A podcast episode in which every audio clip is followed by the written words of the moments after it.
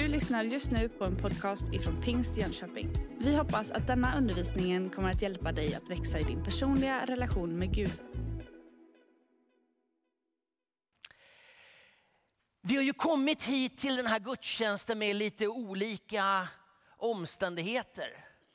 Jag vet ju inte. Någon kanske kommer hit så här sprudlande lycklig och nyförälskad. Och det nya jobbet är så här, ja men du vet.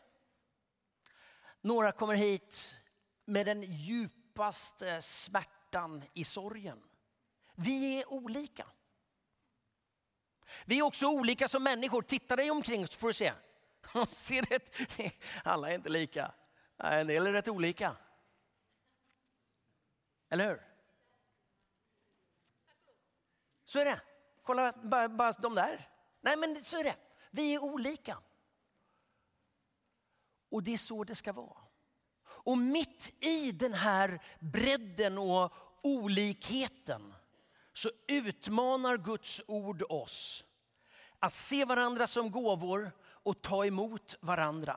Eh, och temat för min predikan hämtar jag, eh, jag kommer att passera Galaterbrevet eh, 3. Men jag kommer utgå ifrån Romarbrevet.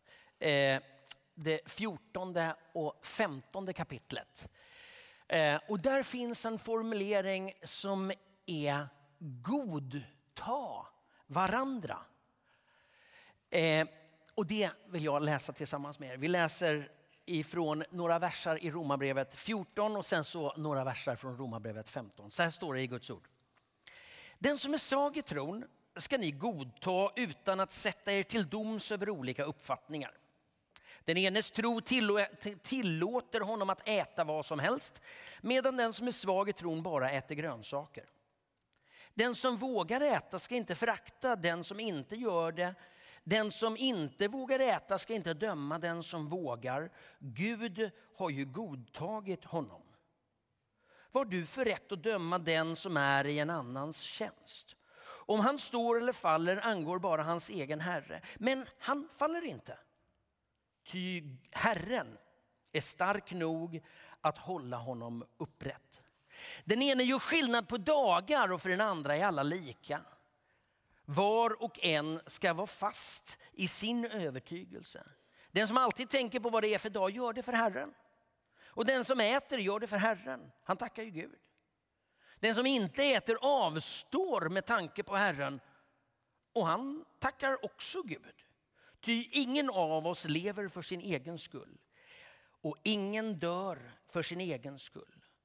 Om vi lever, lever vi för Herren. Om vi dör, dör vi för Herren. Var, vare sig vi lever eller dör tillhör vi alltså Herren.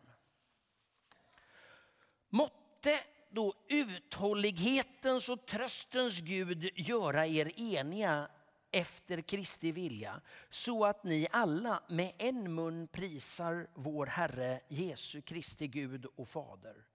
Godta därför varandra så som Kristus har godtagit er till Guds ära. Det här är ju skrivet till eh, församlingen i Rom och låt oss bara för att reda ut några saker eh, få en klarhet i vad det här är för ett sammanhang. Församlingen i Rom var en väldigt tydligt blandad församling. Folk från er, det här var ju imperiets huvudstad, man kom från alla håll. Och det var väldigt tydligt att det fanns en stor grupp judekristna som hade kommit, som hade med sig gamla testamentet och hela förbundet och alltihopa och hade kommit till tro. Och så fanns det en stor grupp människor från alla folk och stammar eller på att säga, och, och som var hedningar, som inte hade den judiska historien och som hade kommit till tro. Nu följde sig inte bättre än att kejsar Claudius i början på 50-talet sunade till på judarna i Rom. Där kan vi läsa om i Apostlagärningarna 18. Och han utvisar alla judar från Rom. Vad händer då med församlingen? Jo men halva församlingen försvinner. De flesta av dem hamnade för övrigt i Korint, spelar ju ingen roll. Men de försvann från Rom. Och så lever, fortsätter församlingen att leva som en uteslutande hedna kristen församling i Rom. Och så går det några år och så kommer Claudius på bättre tankar och så låter han judarna återvända. Och så kommer de hem då. Då har de varit här borta i Korint. Och så kommer de hem till sin församling. Och på två, tre år så har kulturen ändrats. Det är, det är nya bruk som har satts. Det, går, alltså det hände rätt mycket ändå på två, tre år. Och det som har hänt i församlingen, när den har levt enbart under hedna kristen liksom kultur, så har en del drag förändrats. Nu äter man oförblommerat från alla köttdiskar i stan, vilket judarna inte gjorde. Nu är man inte lika noga med dagar, vilket judarna var. Och så kommer de hem till sin församling och känner, Ma, vad är det här? Det här är inte vår församling. Och så blir det stridigheter mellan grupper. Ganska många teologer tänker det är en av huvudorsakerna till att romarbrevet skrivs. Paulus ser den här konflikten och så säger han, ni måste förstå vilken grund ni har. Och så skriver Paulus i Romarbrevet en lång utläggning om försoningens mysterium, kapitel 4, 5 till kapitel 8. Och sen kommer kapitel 9, 10 och 11 som handlar om förhållandet mellan hedningar och judar. Och sen kommer han till eh, de praktiska eh, liksom, implikationerna av det här. Och då blir huvudordet godta varandra som Kristus har godtagit er. Kolla här. Den som är svag i tron ska ni godta. Gud har ju godtagit honom. Godta därför varandra så som Kristus har godtagit er. I en församling där man funderade över vilken mat kunde man äta, vilka dagar skulle man hålla, vilka kläder skulle man ha, vilken och så vidare. och så vidare. Idag så kanske inte frågan är eh, om vilken dag vi håller högtid på. Den kanske inte är superviktig även om vi är vana att fira gudstjänst på söndagar. Det är enklast så, vi är lediga och, och så vidare. Inte supernoga med maten men det finns ett antal andra grejer som faktiskt så att säga, påverkar oss. Vilken musik vi gillar, vilka kläder vi har på oss, vilka kulturyttringar vi deltar i och så vidare. Så även om matfrågan inte är vår huvudpunkt så är själva saken högst aktuell och viktig att ta del av. Om man tar ett sånt här ord som godta så kan man ju tänka så här Alltså, ja men vi kan, vi kan godta den lösningen. Och så ligger det nästan i språkförståelsen inbäddat att ah, det är inget vi gillar men vi accepterar det väl. Ni som läser andra översättningar än Bibel 2000, ni eh, har snarare skrivningar typ att ta emot. Att ta emot öppet öppet, att välkomna. Det här ordet som används, det handlar mycket mer om att, så att säga, bejaka, välkomna, inkludera och med ett öppet hjärta inkludera. Det grekiska ordet som används är proslambano.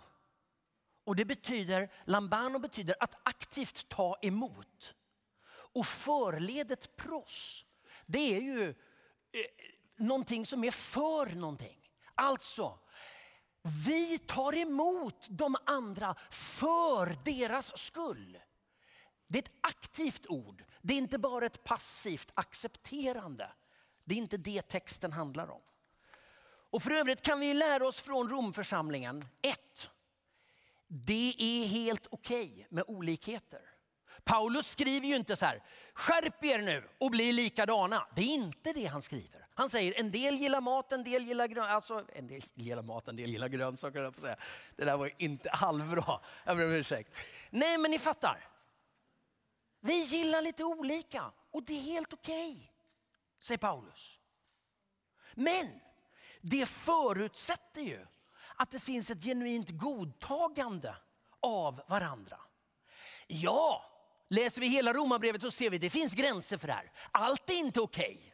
Allt är inte liksom, det är bara, ja det spelar ingen roll, bara man godtar varandra så blir allting bra. Det är inte det det här säger. Det finns tydliga ramar. Men i olika uttryck, i olika betoningar så finns det olikheter. Det är okej. Okay. Och de olikheterna behöver vi omfamna och bejaka och godta varandra utifrån. Varför? Ja, den här texten är väldigt tydlig på den punkten. Därför att Gud har godtagit. Alltså vår tillhörighet till varandra är inte för att vi råkar befinna oss på samma plats vid samma tidpunkt, nämligen söndagar klockan 10.30. Det är inte för att vi alla hade likadana kläder eller i övrigt hade, ja vad det var. Utan grunden för vår tillhörighet till varandra är vad Gud har gjort. Vi kan välja honom. Hur var det ni sjöng? Jag väljer dig. Och så var andra versen, du väljer mig. Vi skulle kunna ha en tredje vers som någonstans laborerade med, du har valt oss och därför kan vi välja varandra och dig. Vad hade kunnat ligga i linje med sången? Och det hade definitivt legat i linje med bibelordet. Alltså, när det vi är för varandra är baserat på vad Gud har gjort för var och en av oss och med oss som gemenskap. Vi tillhör varandra och därför utmanar, eh, utmanar Paulus oss, Guds ord, att godta varandra. Några konkretiseringar av det här då. Det första är ju, det här är djupt inbäddat i försoningen. I försoningen förenas vi. Det ligger ju i själva ordet, man hör ju det. Att försonas, det är någonting som har varit delat som dras ihop. Det är vi i förhållande till Gud men det är också vi i förhållande till varandra. Och det ligger på en mängd olika plan. När vi i församlingsledningen för ett tag sedan arbetade med frågor om hur ska vi tänka kring integration, vilka grupper är det? Så är det inte bara en fråga om, om liksom olika kultur utan här finns det mängd olika grupper som vi behöver aktivt arbeta för att integrera. För att nå en integration på riktigt. Låt oss läsa bibelorden. Då står det så här i Galaterbrevet eh, 27 och 28. Är ni döpta in i Kristus har ni alltså iklätt er Kristus. Nu är ingen längre jude eller grek, slav eller fri, man eller kvinna. Alla är ni ett i Kristus. Och ifrån eh, Apostlagärningarna, det andra kapitlet. Nej, detta är vad som har sagt genom profeten Joel. Jag utgjuter min ande över alla människor. Era söner och döttrar ska profetera. Era unga män ska se syner. Era gamla män ska ha drömmar. Jag över mina tjänare och tjänarinnor ska jag i, ska jag i de dagarna utgjuta min ande. Det vi kan konstatera är att godtagandet av varandra är förankrat i vad Gud har gjort för oss. I Kristus är ingen längre jude eller grek, slav eller fri, man eller kvinna. Och återigen, det här är skrivet på den tiden. Då var konfliktytan jude eller grek, slav eller fri, man eller kvinna. För, för oss kanske konfliktytorna eller gruppindelningarna ser olika ut. I vår församling så har vi människor som har suttit i regeringen. Och vi har människor som är arbetslösa och som kämpar med att få ett arbete. I vår församling så har vi människor som är vd i ett börsbolag. Och vi har människor som går på försörjningsstöd. I den här församlingen så har vi människor med en betydande utbildningsgrad. Vi har professorer och vi har doktorer. Men vi har också analfabeter. Här är ingen jude eller grek, slav eller fri man eller kvinna. Här är vi olika. Men vi är ett i Kristus. Alltså den här typen av uppdelningar som så lätt görs försöker Guds ord att säga Överse med det där. Bortse från det där. Godta varandra. Varför? Därför att inför Gud så är ni alla lika. Och då bör det också prägla sättet att se på varandra i församlingen. Den här, jag valde den här bilden som ni ser här. Det här är den första församlingsstyrelsen i församlingsgruppen på Azusa Street. Det som vi ibland talar om som pingstväckelsens moderförsamling. Här fanns unga, här fanns äldre, här fanns män, här fanns kvinnor.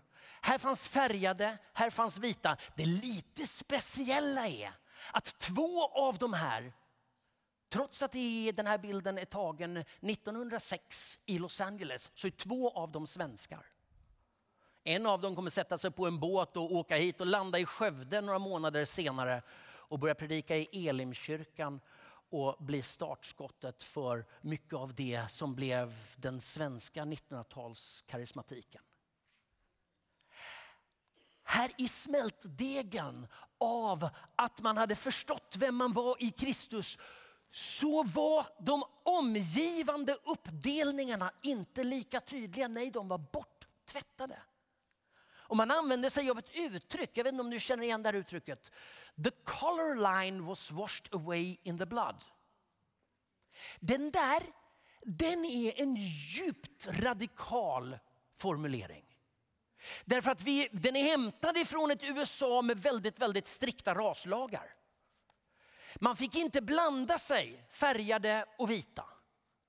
Man gick på samma gudstjänster men man hade ett skynke uppsatt så att man skulle slippa se varandra.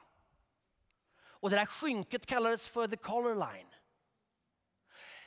Men det där rev man ner, det där tog man bort och så byggdes man samman i en integration på riktigt. Varför? För att man hade bestämt sig att omkull, omkullkasta lagarna. Nej, det blev en effekt.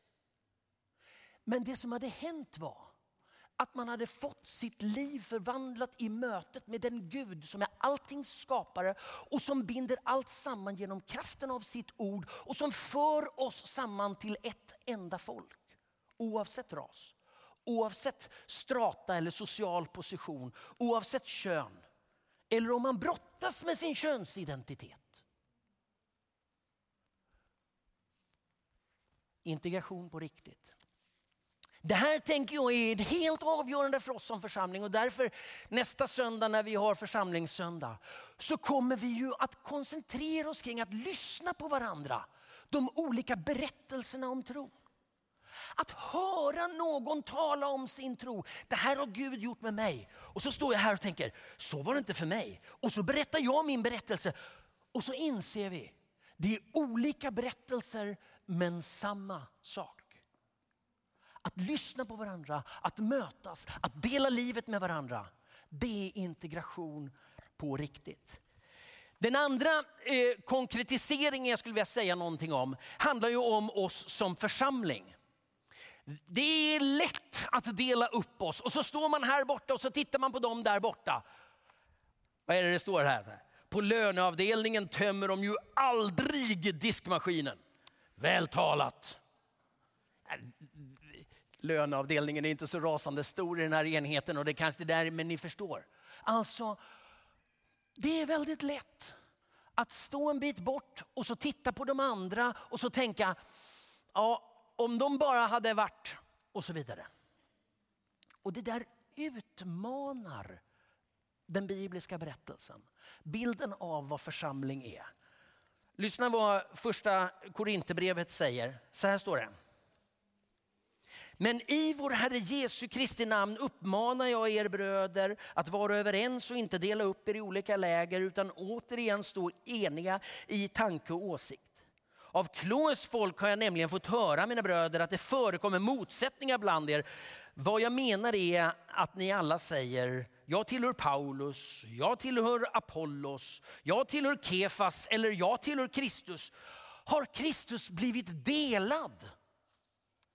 Och så fortsätter han, jag planterade, Apollos vattnade, men Gud gav växten. Och så talar han om den här växten som, som ett sätt att vara ett bygge av Guds rike. Och i det bygget säger han, ingen, annan, ingen kan lägga en annan grund än den som redan finns. Och den är Jesus Kristus.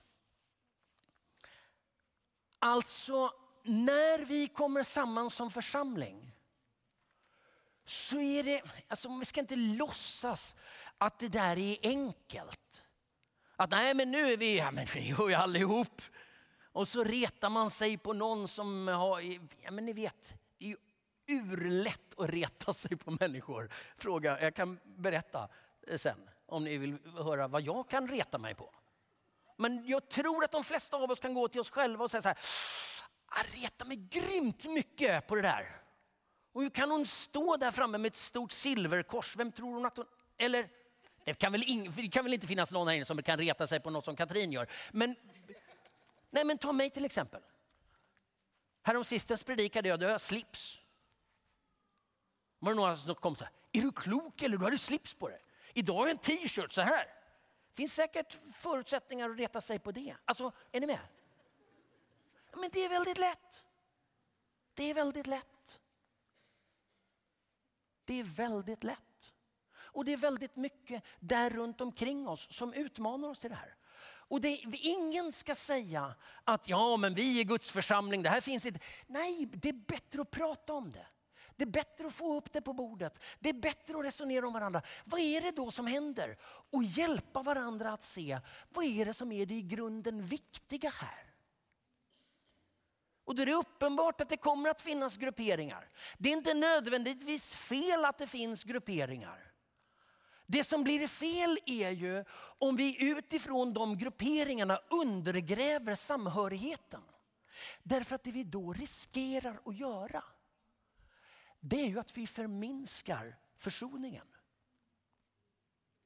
Försoningen säger inte att vi blir, alla blir lika. Alla blir någon slags androgyner i mitten. Liksom. Så här. Men vi fortsätter att vara män och kvinnor. Vi fortsätter att vara de här olika. Men vi är ett i Kristus. Så försoningen ger oss en ny grund att vara någonting nytt på. Någonting som inte finns någon annanstans.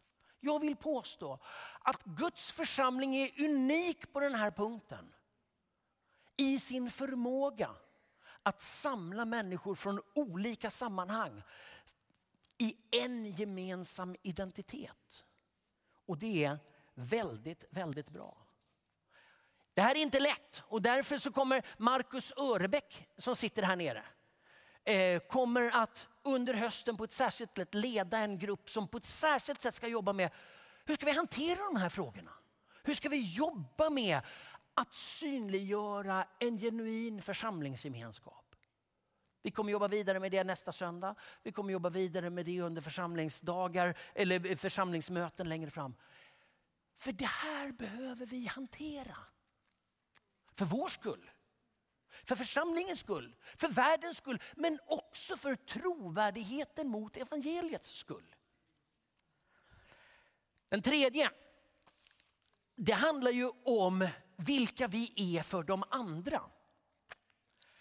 Eh, jag har tagit en bild som, eh, eller inte jag har inte tagit en bild, men, eh, men en bild när Jesus rensar templet. Kolla här ska ni få se. Jesus är ju mild och god och han går alltid omkring och är allmänt snäll och trevlig. Så va? Men ibland blir han ju rasande. Och I några bibeltexter så, så liksom ser vi hur han, han liksom blir furiös i sin vrede över det han ser. Och han tvinnar ihop en oxhudspiska och bara jagar ut och försvinner ifrån Och så vidare. Det är Jesus. Han välter borden, sparkar och skriker. Varför? Ja, låt oss läsa. Så här står det. Står det inte skrivet, det är Jesus som säger. Mitt hus ska kallas ett bönens hus för alla folk. Men ni har gjort det till ett rövarnäste. Och det är hämtat ifrån Jesaja, det 56 kapitlet där det står så här. Mitt hus ska kallas ett bönens hus för alla folk. Detta är Herren Guds ord, han som samlar de skingrade, eh, det skingrade Israel. Ännu fler ska jag samla till dem som redan är samlade. Vad är det som gör att Jesus blir så rasande där på tempelplatsen? Ja, det kan man ju fundera. Han kanske hade haft en dålig dag. Han kanske hade sovit dåligt, var allmänt på... Han kanske hade ont i huvudet. Det är inte så lätt att vara glad om man har ont i huvudet. Jag vet inte. Jag tror att han blev rasande över att här hade man format en gudstjänstplats som tillvaratog en grupps behov av gudstjänstmiljö. De som kunde gå in i liksom, de inre förgårdarna. Men här på den yttre förgården, som var det längsta som hedningarna kunde komma. Där hade man glömt bort var man var någonstans. Och så hade man gjort alltihopa till en handelsplats och där växlade de pengar. Där sålde de duvor och får och, och getter. Eh, inte så mycket getter men mer får. De sålde grejer där. Och det spelade ju ingen roll för de som hade förutsättningar att gå lite längre in. Då gjorde det ju ingenting. Men det fanns en stor grupp människor för vilka detta var enda platsen för tillbedjan. Det var så här långt de kom. Och då säger Jesus, nu får ni faktiskt ta och skärpa er. Mitt hus ska vara ett bönens hus för alla folk. Och här på den platsen där de har sin enda böneplats, där har ni. Och så går han loss. Att vara en gemenskap som är öppen för, bejakar och ger möjlighet till tillbedjan för nya grupper. Ett bönens hus för alla folk. Som välkomnar nya tillbedjare. Jag tänker att här har vi en unik möjlighet att bygga broar i ett samhälle som kan riskera att dras isär. Det här kan ju jag liksom som någon slags halvpastor och, och teolog säga då att ja men så är det i församlingen. Men Dina Freeman som är professor vid London School of, of Economics. Hon säger så här. Den starkaste förändringskraften i världen är den omvända kyrkan. Är hon mer precis än så? Hon säger pentekostalismen. Hon säger pingstvännerna. Och hon preciserar det till Afrika. Och hon säger, det är ojämförligt så att de pentekostala grupperna har gjort mer för utvecklingen i Afrika än alla FN-program och NGOs tillsammans. Det är inte mina ord, det är Dina Freemans ord från London School of Economics. Varför? Ja, hennes analys är, här är människor som är förändrade och som skapar förändring som har blivit försonade och som bidrar till försoning. Vår roll är mycket större än en stund av sinnesfrid för oss själva. Den är viktig den också.